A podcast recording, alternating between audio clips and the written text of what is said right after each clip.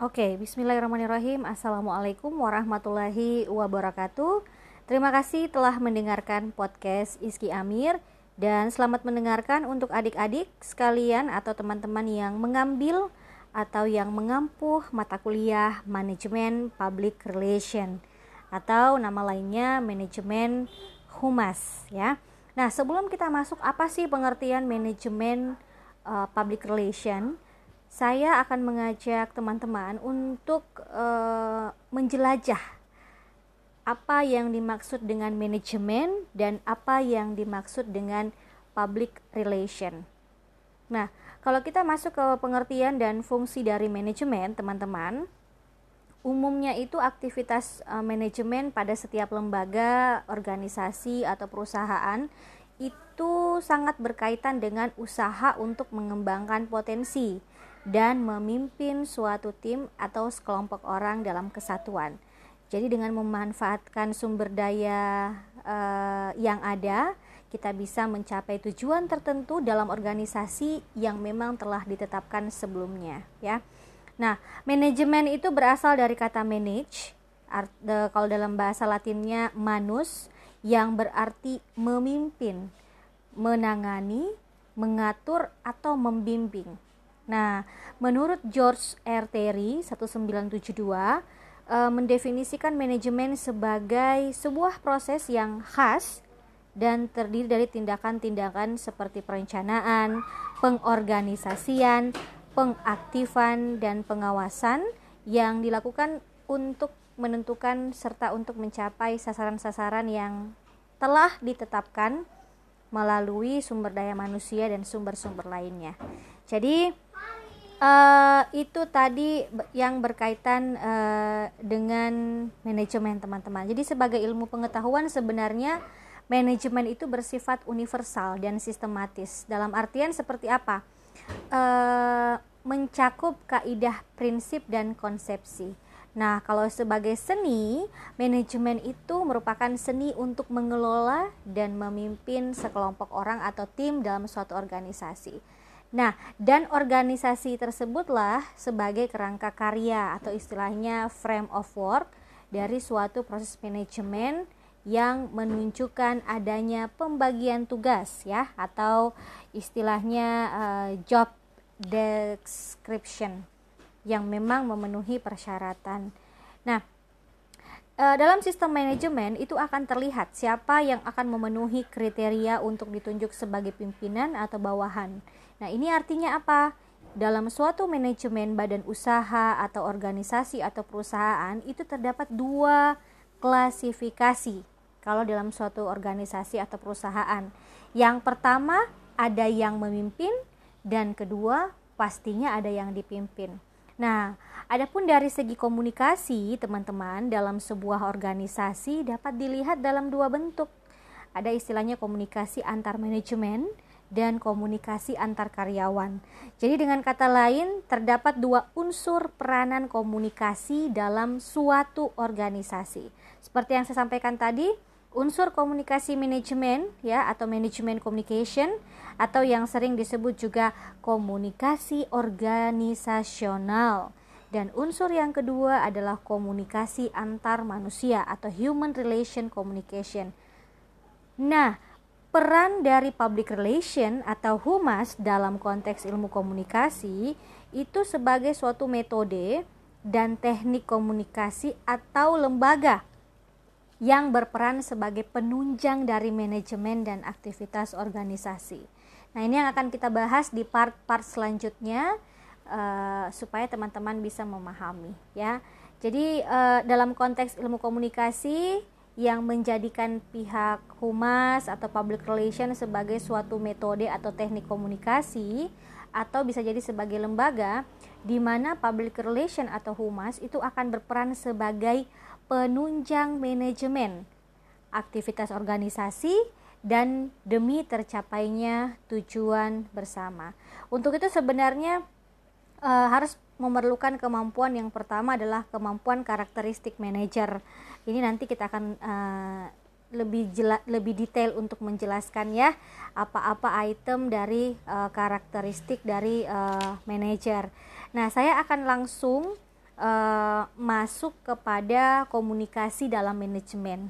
Jadi sebelumnya uh, saya kan sudah menjelaskan tadi uh, bahwa di dalam sebuah organisasi atau perusahaan kan terdapat dua unsur komunikasi yang saling berkaitan uh, satu sama lain ya, yaitu komunikasi manajemen dan juga komunikasi antar manusia.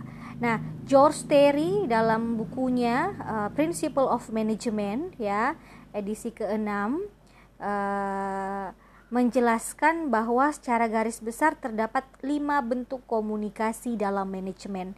Apa-apa itu?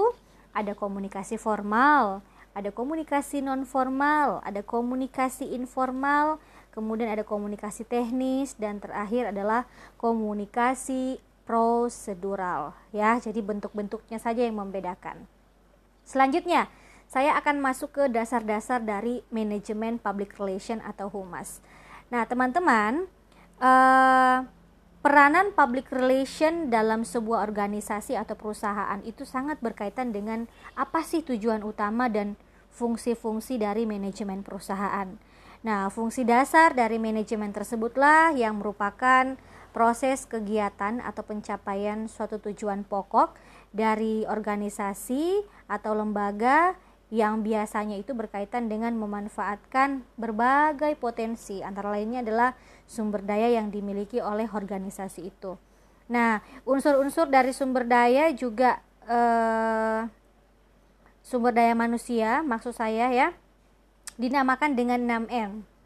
Ada sumber daya manusia, sumber da sumber material atau barang yang dikuasai, kemudian alat atau perkakas, mesin yang diproduksi dimiliki sendiri, kemudian kemampuan keuangan, metode yang digunakan, dan perluasan atau pemasaran yang hendak dicapai atau market.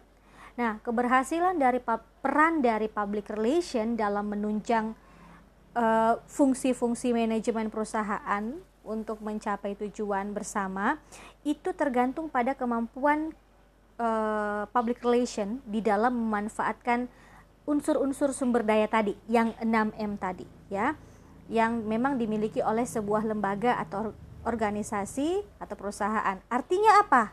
Artinya sebagai public relation manager atau pejabat humas di organisasi atau lembaga, seorang manajer itu dituntut kemampuannya untuk mengordinasikan seluruh unsur sumber daya yang ada 6M tadi eh, yang memang menjadi uh, konsekuensi dari kemampuan sebagai fungsi manajemen teknis dan juga kemampuan berperan sebagai manajer profesional atau managerial skill.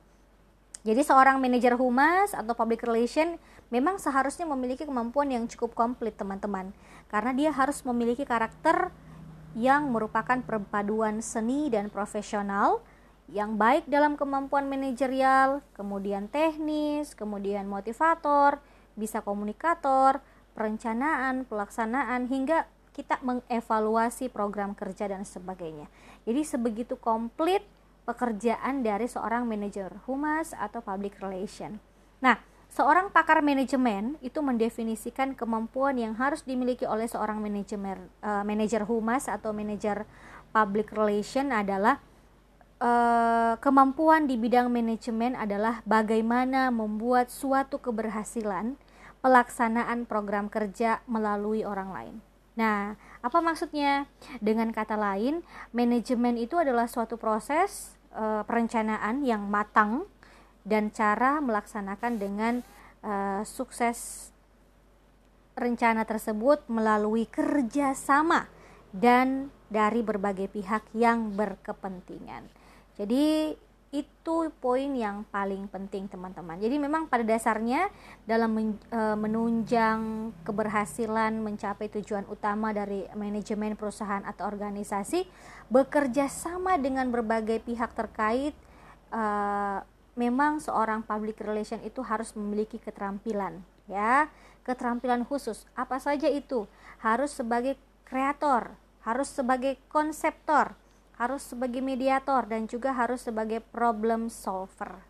Nah, saya berharap teman-teman uh, sampai di sini apa yang saya jelaskan uh, bisa dipahami dan yang penting sebenarnya kegiatan humas kegiatan utama dari public relation atau humas dalam mewakili top manajemen suatu lembaga atau perusahaan atau organisasi memang merupakan kegiatan two ways communication. Ini adalah ciri khas dari fungsi dan peranan public relation. Hal ini memang dikarenakan salah satu tugas dari public relation adalah bertindak sebagai narasumber informasi atau source of information dan merupakan saluran informasi atau channel of information. Nanti pada saat kita pertemuan via Zoom akan saya jelaskan lebih lanjut seperti apa maksudnya. Terima kasih teman-teman sudah mendengarkan podcast saya. Assalamualaikum warahmatullahi wabarakatuh.